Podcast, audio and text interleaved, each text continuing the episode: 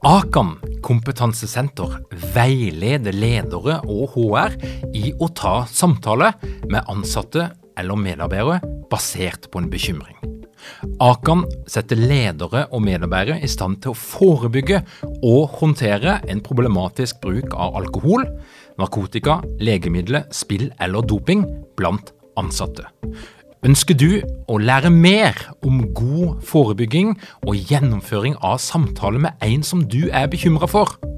Da kan du nå få tilgang på Akan sitt digitale samtalekurs til spesialpris, kun 760 kroner. Målet med kurset er å gjøre deg tryggere i det som kan være en krevende, men viktig samtale å ta i lederrollen. Du får tilgang til kurset med å gå til samtalekurs.no, samtalekurs.no, og bruke kampanjekoden LEDERPODDEN. Tilbudet gjelder ut april. Og folk er veldig glad i å prate. ikke sant?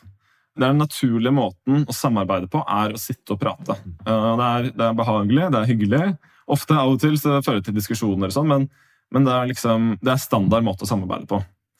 Uh, og Det er kanskje sånn vi er utviklet gjennom evolusjon, at det er sånn vi trives med å gjøre det. Men når man skal løse komplekse problemer, så er det ikke den beste måten å gjøre det på.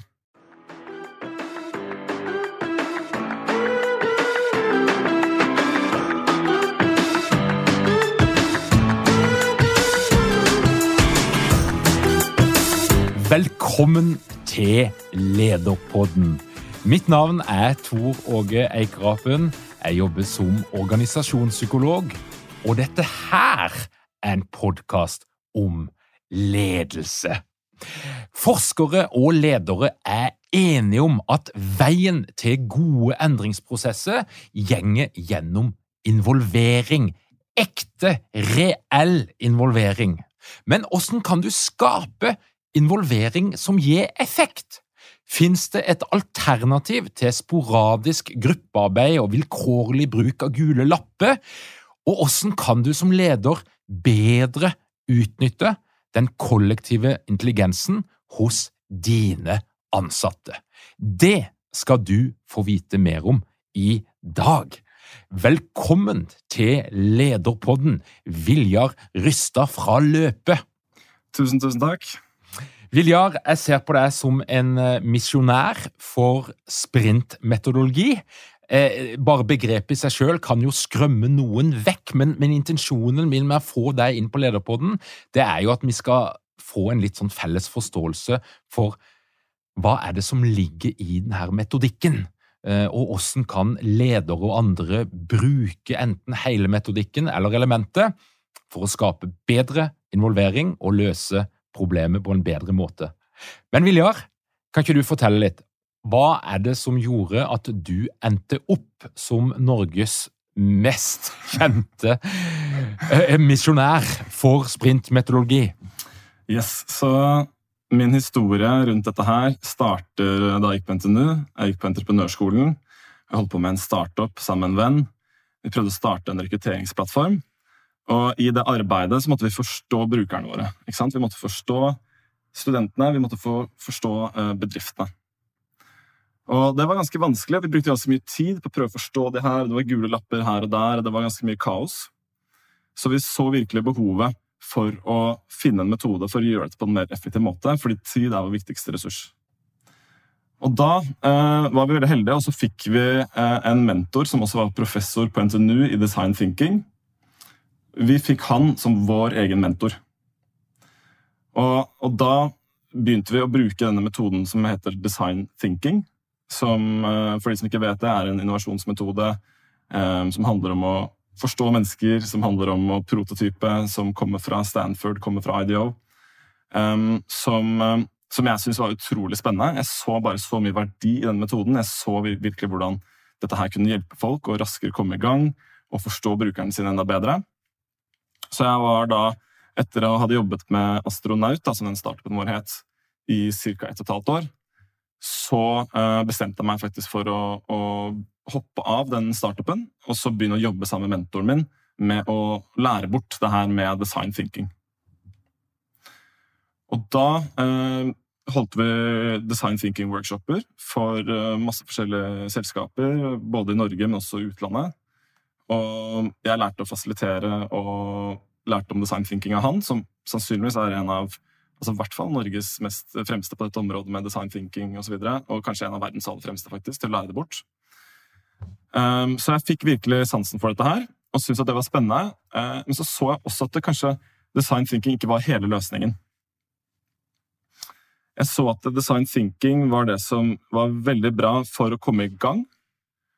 Uh, men så så jeg at uh, etter hvert så Når man skulle gå fra liksom, innsikt og ideer til velgte produkter og tjenester, som kanskje er det viktigste, eh, så var det en eller annen sånn missing link. Da, da var det liksom litt for mye kaos og litt for lite konkret hva som skulle skje da, innenfor eh, dette området. Eh, og Samtidig som jeg innså det, så oppdaget jeg også designsprint. Dette er fire og et halvt år siden. Tilfeldigvis oppdaget jeg det. Jeg var på konferanse i Berlin. Det er være litt morsom historie, faktisk. men jeg jeg, jeg, lå på sofaen til en venn uh, i Berlin og hadde, var, ja, var fyllesyk etter konferansen. Og så lå det et sånt lite hefte på bordet uh, som han hadde vært på sånt kurs eh, i designsprint da, i Berlin. Og da var det helt uh, nytt, liksom. Eh, og så begynte jeg å bla litt i dette heftet. Eh, og så bare Shit, her var, her var det et eller annet. Ass. Det her var eh, smart. Eh, og så begynte jeg etter hvert å følge Agent Smart, da, som er de som eh, hadde dette kurset og denne, dette heftet. Eh, og begynte å lære mer om designsprint fra de. Og så bare så jeg hvor utrolig smart dette her var. Jeg så at dette kunne løse det problemet som jeg hadde sett. Da. Jeg så at det kunne hjelpe team mye raskere å gå fra ideer og innsikter til noe konkret. uten at de må være på kurs eller noe sånt. De kan være med, gjøre med eget team, med egen problemstilling. Ehm, så, så, jeg valgte å, å, bare Jeg var veldig nysgjerrig og valgte å bare prøve noen designsprinter. Prøvde med et par startups eh, som jeg kjente. Eh, og så så jeg bare Shit, ass, det her fungerer så utrolig bra. Og det her, det her digger jeg. Det her er det mange som trenger. Så, så det var da jeg valgte å starte løpet, da, for å fokusere på designsprint. Og Hvis vi skal zoome litt ut, så, så er det jo ofte sånn da at um, design sprint og, og um, design thinking blir sett på som eksempler på agile metoder. Mm. Er, er, det riktig å sette det inn i den konteksten der? Ja. Og, og, og, og, hva er det som er hovedforskjellen på design thinking-metodikken og design sprints? Hva, hva er, hvordan henger dette her sammen? Så Vi kan sammenligne det litt med matlaging. da. Altså, eh, Design thinking det er på en måte hvordan uh, håndtere de ulike ingrediensene. Hvordan ha de ulike delene uh, for å få et bra resultat. Altså, uh, liksom, hvordan koke pasta, eller hvordan liksom, lage tomatsaus. på en måte. Men designsprint er en oppskrift. Så det er hvordan få pasta bolognese. Sånn at du kan følge den oppskriften og vite at du får dette er det du trenger hver gang. Dette er så lang tid det tar, og dette er resultatet. Ehm, så designsprint vil jeg si er en mer konkret, mer effektiv videreføring av eh, design thinking, som også tar for seg et steg som kanskje er litt lengre ned i, i løypa. kan du si. Altså Design thinking er veldig bra for å forstå problemet, og for å begynne kanskje prototype med noen løsninger. Ehm, men når problemet er bra definert, så er det veldig fint å bruke designsprint. Og så vil jeg bare si, I tillegg til det så er det også slik at det, um, Designsprint er en veldig sånn konkret firedagers oppskrift for et team. For å gå fra en vag idé til å komme opp med eh, velge noen ideer, prototype de, og så se resultatene fra brukertester. Men sprintmetodikk det er jo da, en, det er jo da at man har ekstrahert alle de beste ideene og teknikkene og prinsippene videre fra designsprint på en måte som gjør at man kan bruke det til å lage en virksomhetsworkshop og løse et virksomhetskreativt problem Eh, uten at man må ha denne firedagersoppskriften som det originalt er. Da. Mm. Og hva kan være et typisk utgangspunkt for å bruke dette her verktøyet? Hva slags problemer er det som kan løses? Um, så vi, vi, kan ta først med designsprint. Så er det typisk liksom, viktige problemer som uh, handler om brukerrelaterte problemer. Eller brukerrelaterte områder. ikke sant? Uh, som, man, som kanskje er litt komplekse. Det er kanskje en del forskjellige mennesker som skal eh, være involvert. Og det kan være at løsningen ikke er liksom veldig enkel og tydelig å se for seg. Så man må være litt kreativ. Man må kanskje komme opp med noen ideer og teste og prøve, litt, prøve seg litt frem for å finne løsninger. Uh, og de må være relativt definert, eller konkret definert før man starter. Ja, det, er, det, er, litt vanskelig å, å, beskrive akkurat hvor konkret det skal være, fordi det er litt sånn må, det er litt sånn taus kunnskap, egentlig. Men du må være mer definert enn når man går inn i design thinking. Du må vite hva problemet er, før du kjører en sprint. Og så vil man definere problemet tydeligere og tydeligere i starten. Um, og så Når det gjelder sprintmetodikk, så kan det brukes egentlig til å løse hvilket som helst kreativt problem. Uh, altså du kan, fordi da, er, da har du uh, da har du rammeverket, du har prinsippene, du har øvelsene, du har den mekanikken for hvordan dette skal gjøres, i en, hvordan lapper og sånn skal bevege seg osv. Um, du, hvis du har den kunnskapen, uh, så kan du designe virksomhetsworkshop um, for å løse et hvilket som helst kreativt problem. Uh, med team. Mm. Men de eh, kundene som du jobber med, kan ja. du komme med noen sånn eksempler på noen type problemer som, som, de har stått med, og ja. der de da bruker sprintmetodikken yes. for å, å, å, finne ut av det? Ja. Så vi kan ta for eksempel um, Et av de kundene vi har jobbet mest med, det er Orkla. Uh, og, vi har hjulpet dem med over ti designsprinter med å kjapt forstå er det egentlig et behov for dette Eh, eh, dette de ser for seg. da. Eh, for eksempel så hadde de et konsept som, som ble hetende Bursdagshjelpen, eller som nå heter Entere bursdag. Som er at man skal, som småbarnsforeldre kan bestille en bursdagspakke hvor du får alt du trenger til barnebursdagen. Rett på døren i tema og så videre, som passer til barna som du har. da. Og, vi, og de hadde en sånn vag idé om at de skulle lage et eller annet sånn Eh, og så, så hjalp vi det. Og da kjørte vi eh, først en designsprint hvor vi liksom eh, tok sammen innsiktene de hadde fra intervjuene med disse foreldrene. Vi uh, kom opp med en haug med ideer, eller først fikk inspirasjon fra andre, andre, steder. Så kom vi med en haug ideer, valgte ideer. kom opp med noen veldig gode, spennende ideer. F.eks. det her med at du skal ja, Du kan få inspirasjon fra tema gjennom en karusell, og så velge et tema, og så liksom bestille en pakke bare med tre klikk. Eh, og så, så, testet vi dette her. da. Med, etter bare fire dager så testet vi dette med fem småbarnsforeldre. Og Da fikk vi veldig gode eh, tilbakemeldinger. Vi så eh, at dette her var noe som de var interessert i, men med noen justeringer. Eh, Så kjørte vi en ny eh, det vi kaller iterasjonssprint uken etter. Hvor vi da tok alle de lærdommene vi hadde, eh, kvernet om på det, kom med en haug med nye ideer, valgte noen av de, og så lagde en ny prototype. Og så testet vi den, fikk enda tydeligere for oss hva som, var, eh, den, hva som var behovet, hva som var det folk var ute etter. Og så, etter det, så kunne en designer og et lite team eh, bare på eh, Jeg tror det var to måneder den gangen, nå bruker vi bare én måned, lage en MVP som de da lanserte. og da tok det totalt tre måneder fra de hadde en initiell idé, til de hadde lansert noe i markedet. Og dette, denne, dette, her tar vanligvis ett år, eller det tok vanligvis ett år for Orkla å gå fra det, ideen til markedet. Mm. Og Nå snakker du om store virksomheter som ja. er rutinert på produktutvikling og innovasjon, og som har innarbeida en del metoder fra før, og som, og som gjør en veldig grundig jobb. Men kan metodikken òg brukes i mindre skala? Altså Der det er små virksomheter som kanskje ikke har det apparatet tilgjengelig og den dialogen med kundene sine, men det er et eller annet problem som de, som de ønsker å, å, gjøre noe med. Og så ønsker de å oppgradere sin måte å jobbe på ifra klassisk workshop med noe litt tilfeldig gruppearbeid mm. til å følge en, en, metodikk, men som ikke nødvendigvis mm. gjenger over så lang tid. Ja. Hvilke elementer er det som, som det er mulig å, å bruke i litt mindre format? Yes. Så jeg vil jo si at uh, alle som skal jobbe med kreativ problemløsning, alle som skal jobbe i team og løse kreative problemer, bestemme problem, komme opp med ideer, velge ideer, konkretisere Alle som har behov for det, de burde bruke sprintmetodikk. Uh, og det er den mest effektive måten å jobbe med disse tingene på. Uh, og den bygger på en haug med noen kjerneprinsipper som jeg kan forklare veldig enkelt. F.eks. At man jobber alene sammen. Så folk, istedenfor at man prater og diskuterer up front, så får man tid til å tenke gjennom ideene sine selv før man deler. Eh, så handler det om eh, først eh, diverger, og så konkretiser.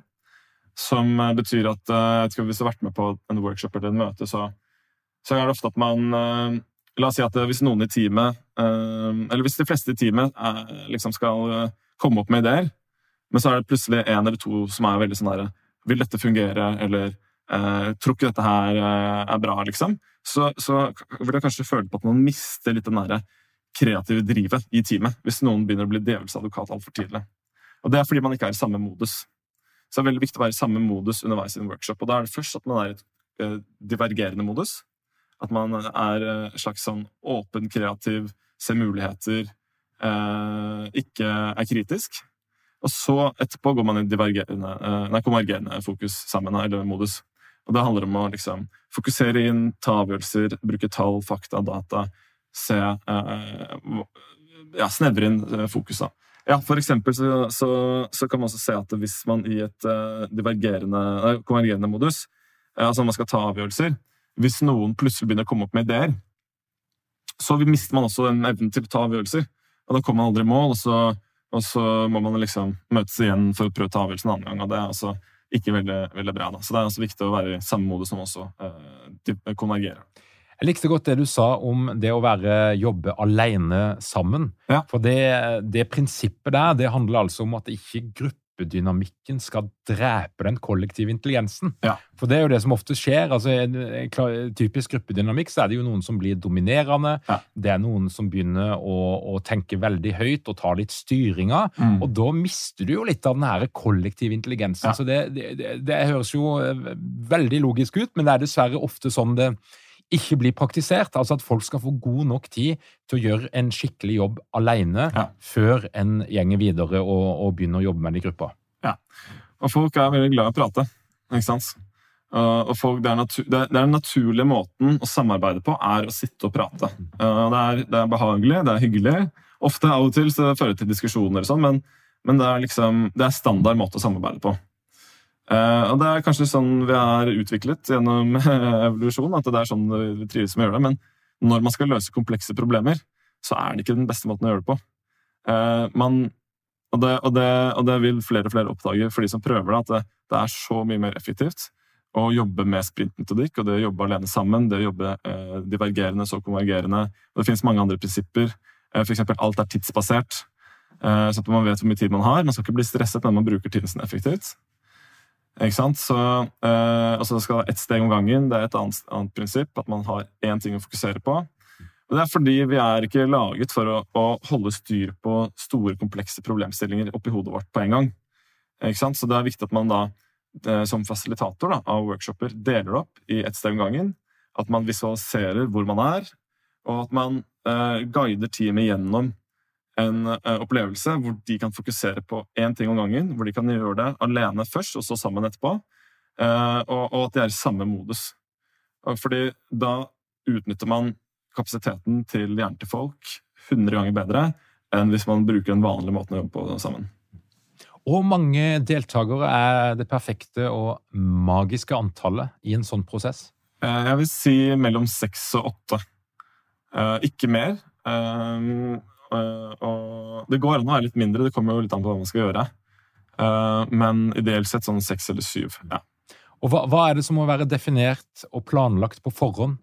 Hva, hva, eh, hvilken jobb er det som er gjort i forkant av en sånn type sesjon? Altså, eh, eh, Hvis vi skal snakke om en sånn type sesjon, så må vi nesten snakke om designsprint. fordi eh, sprintmetodikk er bare en metode som gjelder for veldig mange forskjellige typer sesjoner. ikke sant? men i en sprint, designsprint så gjelder det at man har at man har forståelse for eh, brukerne. At man har gjort noen intervjuer, man vet sånn cirka hva som er problemet. Og man har, ehm, man har kunnskap fra litt forskjellige vinkler eh, om dette problemet. Som gjerne i form av deltakere som er med i sprinten. Og Hvis ikke de kan være med i sprinten, de som har kunnskapen, så må man få noen til å representere de, eller kanskje få et intervju i starten. Og i etterkant, hva er det som skjer da? I etterkant uh, av en sprint så ender man opp med altså Det kommer litt an på om man kjører én sprint eller to sprinter, altså iterasjonssprint. Men da får man en, eh, etter to sprinter, som er det vi foretrekker, så ender man egentlig opp med en ganske definert MVP, da, som Minimum Viable Product, som er en, et uh, relativt definert utgangspunkt for første versjon av det produktet man ser for seg, som man kan lansere i løpet av kort tid for å lære om dette her. Uh, for å fortsette å lære, da, men på den måten få enda mer kvantitativ tilbakemelding.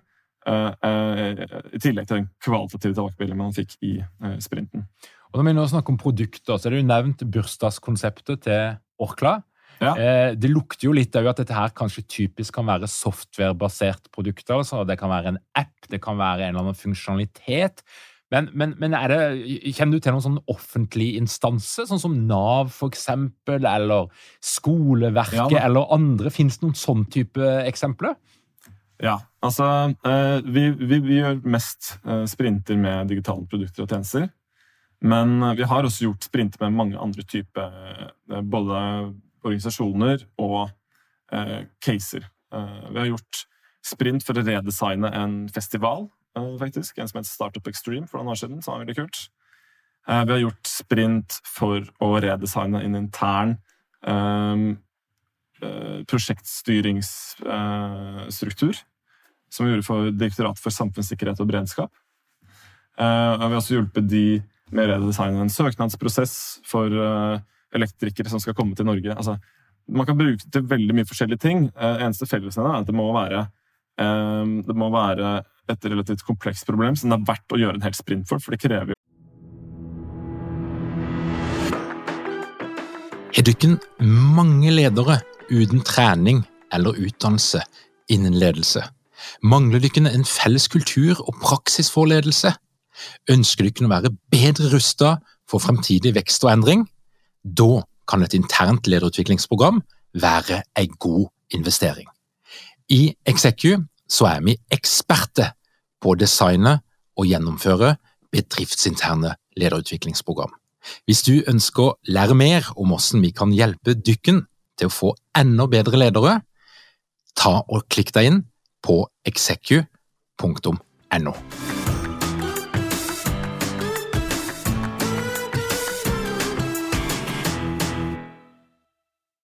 faktisk litt eh, innsats av en del mennesker. Som er et viktig problem, og så må det være relatert til noen brukere på en eller annen måte. I hvert fall hvis det er en klassisk designsprint. Det finnes også andre typer sprinter. Eh, og så må det være noe som man kan få svar på gjennom å teste en prototype med brukere.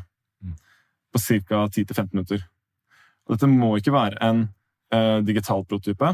Det kan også være en uh, fysisk prototype. Um, det kan være en, et konsept som man bare uh, på en måte prøver å selge på en måte, gjennom en presentasjon, f.eks. Altså, det finnes veldig mange forskjellige måter å, å teste dette på. Da. Eh, når det gjelder ledelse og kultur, ja. er, det, er, er, det, noen spesielle betingelser som må være til stede der for at dette her skal funke?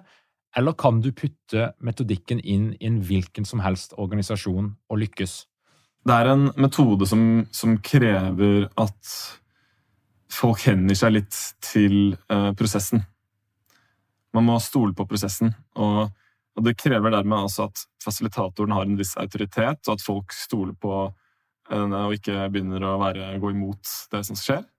Men det som er veldig fint med designsprint, uh, er at det, uten at du egentlig har vært på noen kurs, uten at du har noen erfaring, uh, så kan du være med på en sprint Eh, og du kan være med på et sprint og jobbe med ditt eget team eller din egen problemstilling, så lenge du har en fasilitator som egner seg, og et problemstilling som passer til en sprint. Og Da kan du eh, i løpet av sprinten se veldig raske resultater. Du ser en prototype bare etter noen få dager. Eh, og det er noe som vi har sett gang på gang endrer mindsettet til folk. Fordi de ser hvor fort man kan få svar på sine ideer og på og sine problemer. Eh, ved å se hvordan brukerne, brukerne reagerer. Og de, de, innser at uh, Vanligvis så ville vi kanskje brukt to-tre måneder på å diskutere dette frem og tilbake og sende det opp og ned i organisasjonen. Uh, men nå har vi fått svar i løpet av bare fire dager. Fordi vi testet og hadde en god metode for å komme i mål med dette. Mm. Så det kan brukes til egentlig det, ja, det er Så lenge man har en fasilitator, så lenge man har et problem som egner seg, og så lenge folk tør å hoppe i det og henvende seg til prosessen, mm så vil jeg si at det går bra. Eh, men sprintmetodikk det er jo litt sånn uvant måte å jobbe på. Eh, F.eks. å jobbe alene sammen. Det kan være litt ukomfortabelt. Folk har jo lyst til å prate, ikke sant. Og eh, mange blir litt stressa hvis de ikke får prate. og for eksempel så, så er det en, det er en liksom metode som gjør at man må prestere. Du kan ikke lure deg unna. Du kan ikke sove i timen og liksom prate deg ut av det. Det funker ikke. ikke sant? Så man blir liksom tatt på det hvis man pleier å gjøre det. Og det er noen som kanskje syns er litt ukomfortabelt. Så du blir veldig transparent, rett og slett. Altså din måte, det, det du legger på bordet, det blir sett. Ja. Eller om du legger ingenting på bordet, så blir det òg lagt merke til. Ja, men altså er det også sånn at øh, met, øh, metoden øh, er også veldig anonymisert. da. Sånn at i hvert fall med de litt viktigere tingene, f.eks. i designsprint når man lager disse løsningsforslagene, så er de anonyme. Sånn at eh, folk eh, ikke skal være påvirket av hvem er som har laget den, når de velger hva de har lyst til å stemme på. Eh, men, men alle, alle må på en måte levere noe, ikke sant. Så ja. Og så vet jeg at visualisering det er jo en viktig del av metoden. Ja. Hvordan fungerer det? Så eh, gjennom Altså, vi kan snakke om, om sprintmetodikk, da. Mm. Så, så, er, så er det viktig at man gjennom prosessen viser hvor deltakerne hvor vi er. Først at man blir enig om et mål, gjør det tydelig og visuelt, helst eh, på et whiteboard f.eks. Og så forteller de ok, nå skal vi gjennom denne prosessen på den måten her. Sånn at de slipper å tenke på ja, men hvor er vi nå, eller hva, hva skjer, eller hva, ikke sant? Så at de kan få den bekymringen ut av hodet sitt, få enda mer plass til å fokusere på det som er foran seg. Og når man fokuserer på det som er foran seg i øvelsene, så vil man som fasilitator prøve å gjøre det så visuelt som mulig.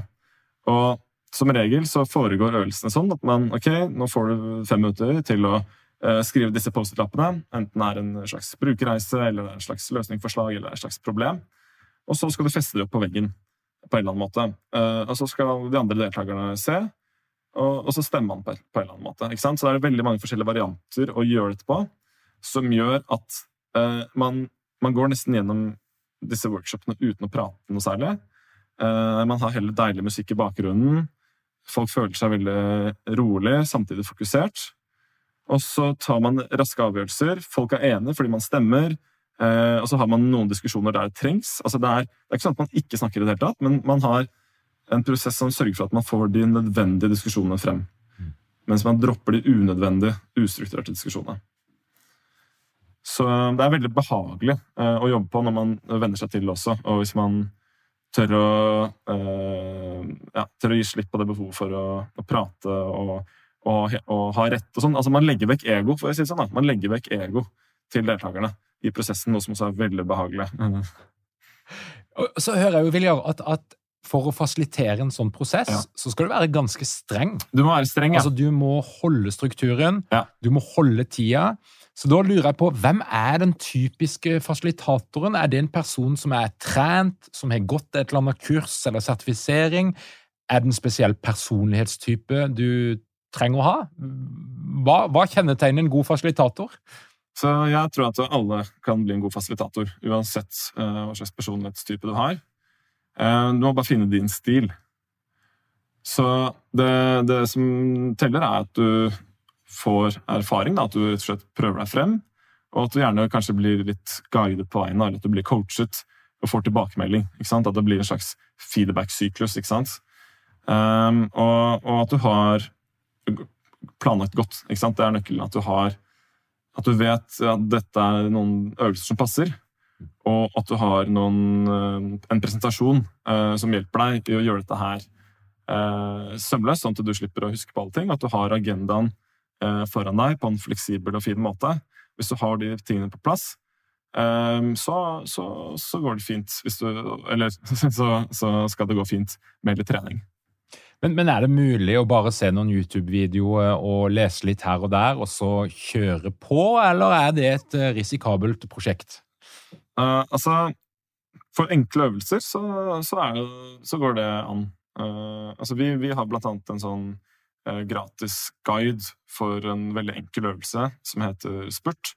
Som tar en halvtime, som, du kan, som bruker spritmetodikk til å løse problemer og veldig konkret bli enige om hva som skal skje videre med ansvar og fordeling og alt mulig sånn. Uh, og den har vi fått tilbakemelding på at det er veldig mange som har fått mye ut av uten at de har noen erfaring på forhånd. da. Og at de, hvis de har et møte, så har de fått flere som bare har liksom En halvtime før så har de bare lastet ned den guiden, prøvd å lese litt og prøvd å bruke den, og så har de gjort det og så fått bra resultater av det. Fordi det er en veldig veldig enkel variant da, av en sprint som bare varer en halvtime. Så hvis det er noen ledere som lytter på Lederpodden, som har lyst til å eksperimentere og teste litt ut, så er altså en spurt yes. det er et godt sted å starte. Yes. Vilja, når en er misjonær, så er det jo ofte sånn at en, en beskriver mest den vellykka delen av en metode. Men hva er det motstemmene sier? For jeg vil jo anta at det finnes noen der ute som er kritiske til denne metoden, og som kommer med noen sånne motargumenter av et eller annet slag. Hva er det som er motargumentene? Altså, eh, det er egentlig veldig få som er kritiske metoden i dag. Men da eh, jeg startet med, med metoden for eh, liksom litt over fire år siden, så var det ganske mange som var kritiske. Uh, og, og, og, da var folk sa liksom at altså det var, men Spesielt var det egentlig litt sånn diva-designere og diva-designfinkere som, som, var kritiske, fordi de, de, tenker at de kan lage en enda bedre prosess som passer til hver eneste case enda bedre. liksom. Og det, og det kan godt være, men, men hvis man ser Hvis man tenker mer på um, organisasjoner og skalerbarhet og effektivitet og alt mulig sånn, så er det mye mer effektivt å ha en sånn her oppskrift som fungerer for veldig mye forskjellige ting. Um, så, men uh, altså det er, Stort sett er det litt sånn herre diva-designere, vil jeg si, som, som, kan være litt kritiske fordi de liksom vet bedre i å lage egne varianter. Uh, og så er det en del som sier at man må ha mye mer forståelse for eh, brukerne, f.eks. Eh, eller som det er, det er, en del som er litt sånn Ja, hvordan eh, Altså, skal du kjøre en sprint nå, er ikke det for tidlig? Må man ikke bruke mye mer tid på innsikt osv.? Og, og, og det er jeg også litt uenig. Man må selvfølgelig ha noe tid til innsikt, og man må ha noe innsikt før man starter. Men jeg, jeg anbefaler at man bruker liksom noen dager på det, og ikke uker. Og at man har kanskje ti intervjuer for eksempel, da, før man kjører en sprint, eh, istedenfor liksom 20 eller mer. Um, og det er fordi man lærer mye raskere av å se hvordan noen reagerer på en prototype uh, som du har laget, og hvor du ser deres naturlige reaksjon, uh, enn at man prøver å spørre dem hvordan synes de at noe burde være. Fordi folk, uh, Da går folk opp i hodet istedenfor at de faktisk er naturlig reaksjon til det du har. Og Det leder jo inn i en annen diskusjon, og det er jo i hvilken grad brukere, kunde, hva vi nå kaller de, er i stand til å sette ord på hva de egentlig trenger. For det er jo den her eh, myten rundt Apple, ja. eksempel, at veldig mange av Apple-produktene det var det jo ingen kunde som hadde klart å beskrive at de hadde bruk for. Ja. Eh, på, så, sånn at hvis du hadde brukt eh, brukerdata som grunnlag for innovasjon i det tilfellet der, ja. så ville du sannsynligvis fått noe som ligna veldig på noe som var kjent fra før. Ja. Altså til, til det så er det flere um, ting. Det ene er at uh, hvis man er uh, veldig si, har veldig mye erfaring, har, er veldig flink og smart, så tror jeg at det er mulig å gjøre sånn som Apple gjør. Men de fleste er ikke der. Uh, og så uh, vil jeg også si at det, når folk prøver å være uh, hjelpsomme og går opp i sitt eget hode og prøver å si 'jeg vil ha det sånn her' eller sånn her, eller sånn her, så bruker de en annen del av seg selv enn det de egentlig gjør når de er i den reelle situasjonen hvor de faktisk skal bruke den tingen du prøver å lage. Så Derfor uh, er ikke det så veldig verdifullt å, å spørre dem hva de har lyst på. men du kan prøve å forstå behovet deres ved å både uh, snakke med det, intervjue det uh, på en riktig måte. Uh, du kan prøve å forstå behovet deres ved å observere det i reell situasjon. Og du kan prøve å faktisk gå inn i situasjonen selv og føle på kroppen hvordan det faktisk er å være de. Og så I tillegg til det så er det det å teste så realistiske prototyper som mulig. I så realistisk situasjon som mulig, og så se hvordan de reagerer. Ikke nødvendigvis bare se på, høre hva de sier om det, men se på kroppsspråket deres, se på ansiktet deres. Er dette noe de trekkes mot eller ikke? da? Mm. Det, uh, Alex Osterwalder han, eh, ja. og Jobs to be, be done, yes. Clay Christensen er det, er det, noe slektskap ute og gjeng her? Er det noen connections? Ja. Uh, vi i løpet vi er veldig fan av Jobs to be done. Og og vi bruker ofte rammeverket uh, i våre prosjekter. Uh, og for eksempel før en designsprint så uh, liker vi å ha en workshop som vi kaller pre-sprint workshop. Hvor vi um, ofte også gjør det vi kaller en job story. Og det er da, Istedenfor en brukerstory, så er det da at man lager en story hvor man helt fokuserer på den jobben som skal gjøres. Og For de som ikke kjenner til Jobs to Done-rammeverket, så handler det om å da fokusere mer på behovet enn brukeren. Ikke sant? Fordi mange forskjellige brukere kan ha det samme behovet. Det du løser, er ikke brukeren, du løser behovet. Så, så, det er en god måte å definere selve behovet på, gjennom at man har da en situasjon, en motivasjon og et forventet utfall. Uh, og så er man skikkelig opptatt av det, og ikke all, all, mulig data om brukeren, hvor gammel de er og alt sånt. Det er egentlig ikke så viktig. Så det du sier at den, den, den, Det rammeverket, som jo er relativt enkelt, det kan brukes som et forstadie, som et forarbeid? Ja. ja. Og til de av dere som lytter på, som syns det begynner å bli litt komplisert nå, så, så, er det altså så enkelt som det at det er en god gammel historie fra Clay Christensen, som eh, nå er dessverre avdød, eh, der, der det handler om en milkshake. Yes. Og hva er det egentlig som er funksjonen til en milkshake? Yes. For en eller annen milkshake eller hamburgerbar et sted i USA. Og når de først skjønte hva som egentlig var funksjonen, og hva det kunden brukte den milkshaken til på det gitte tidspunktet på dagen, da økte salget. Og, og, det de gjorde da, var to ting. Det ene var at de eh, For de skulle jo ha milkshaken i kø ikke sant? I stedet når de skulle komme til jobb. Det var det som var greia. Aha, det skulle ta lang tid å, å, å suge opp milkshaken, at det skulle være en underholdning.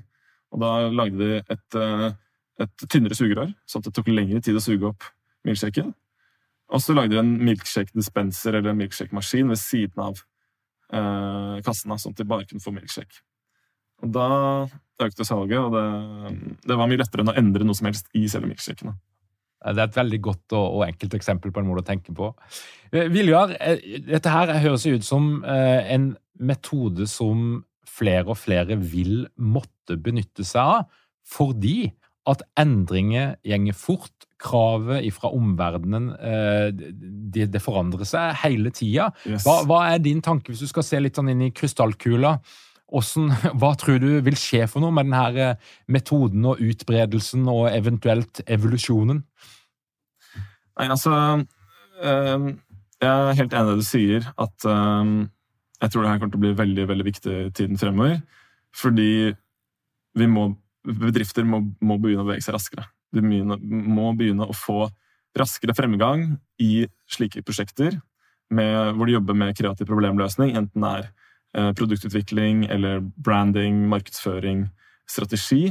Altså eller Sprintmetodikk kan brukes til alle disse ulike områdene. Det finnes strategisprinter, det finnes markedsføringssprinter, det finnes brandsprinter osv. Og, og ved å jobbe på den måten så, så kommer du dobbelt så langt på halvparten av tiden. Og det er faktisk ikke en overdrivelse. Eh, det er, eh, det er noe vi har sett gang på gang, at man kommer, man kommer mye lenger, og man, man gjør det man har det mye morsommere på jobb.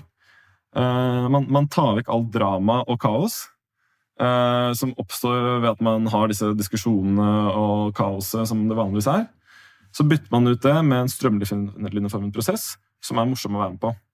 Og, og, når flere og flere opplever dette selv, så vil selvfølgelig det spre seg. Fordi det er et enormt behov for hurtighet. Folk, folk vil innse hvor mye tid de bruker på dette her i dag, altså hvor mye tid de bruker på planlegging av workshoper eller møter, eh, men de bruker på planlegging eller etterarbeid. Eh, folk har back-to-back møter, spesielt når det er remote-situasjonen, eh, som, som, ikke fungerer noe særlig bra. Klarer ikke å ta avgjørelser, man møtes igjen gang på gang. Folk er lei av Det er lite engasjement. Altså, det er så mange problemer der ute når, når man jobber med disse tingene, som, som ikke må være sånn. Så, um, og dette her fungerer minst like bra remote. da. Uh, så vi er helt overbevist om at dette her kommer til å bli veldig, veldig viktig i tiden fremover. Det er en ting jeg er litt nysgjerrig på nå, det er navnet på han mentoren din som du nevnte fra NTNU. Ja, han heter Federico Lozano. Så hvis en ønsker å gå tilbake til kilden der ditt engasjement starta, så er det mulig å søke han opp. yes. Er det noen andre anbefalinger for folk som er nysgjerrige på metoden og på eh, filosofien bak? Er det noen eh, spesielle bøker eller nettsteder som du vil anbefale? Eh, altså, eh, vi har et, eh, en 45 minutters gratis opplæring, som vi kaller det. Hvor vi lærer mer om sprintmetodikk. Hvor vi deler alt det viktigste vi har lært. Eller det viktigste vi har lært som vi har mulig å dele på, på 45 minutter. Så, så, den vil jeg anbefale. Da vil man lære mer. Og så hvis man har lyst til å lære mer enn det, så har vi også et program for folk, hvis de er interessert. Uh, hvor man kan lære sprintmetodikk og få alt man trenger. I tillegg til det så er det jo selvfølgelig å lese sprintboken som kom ut for fem år siden. Som gjorde det her kjent. Da lærer man designsprint, men du lærer ikke sprintmetodikk. så ja. Det er vel egentlig det viktigste. Det er en haug med bøker jeg skal anbefale for design thinking og kreativitet, og sånn, men ikke, da lærer du ikke sprintmetodikk, da. Så, mm. så søk opp Viljar pluss løpe i Google, så vil du komme rett inn til kilden. Ja, så Det er litt vanskelig å finne den der opplæringen, faktisk. For det er en del av en funnel. Men uh, jeg kan kanskje, kanskje kan linke til det? er det mulig? Jeg, jeg skal dele ja. linket i shownotes, ja. så, så skal folk få lov til å klikke på den. Nice. Viljar, du er i Portugal. Du driver en sånn gründerdrøm der du altså surfer og jobber og koser deg. Du er til og med litt sånn våt i håret etter nettopp å komme inn fra stranda, så du skal tilbake igjen der nå ganske snart. Men tusen takk, Viljar, for at du ble med i Lederpodden. Du, Bare hyggelig. Veldig, veldig gøy å være med. Til du som hører på, takk for at du hører på Lederpodden. Hvis du ønsker å få med deg alt det vi holder på med, og få vårt ferske nyhetsbrev inn i din innboks hver eneste fredag, da gjenger du bare inn på lederpodden.no. Og hvis du ønsker å lære mer, hvis du ønsker å gå litt i dybden, hvis du ønsker å få tilgang på video fra Lederpodden live og ekspertgjester eh, som er med i workshopet, da anbefaler jeg deg å bli med i ledernettverket, som nå nettopp har åpna for nye medlemmer. Og hvis du er nysgjerrig på hva ledernettverket er for noe, da er det ledernettverket.no som er det rette stedet å gå. Jeg ønsker deg ei veldig god uke. Igjen takk for at du hører på Lederpodden. Hvis du liker det du hører, så er det lov å rate oss, men uansett hva du gjør eller ikke gjør, vi høres igjen om ei uke.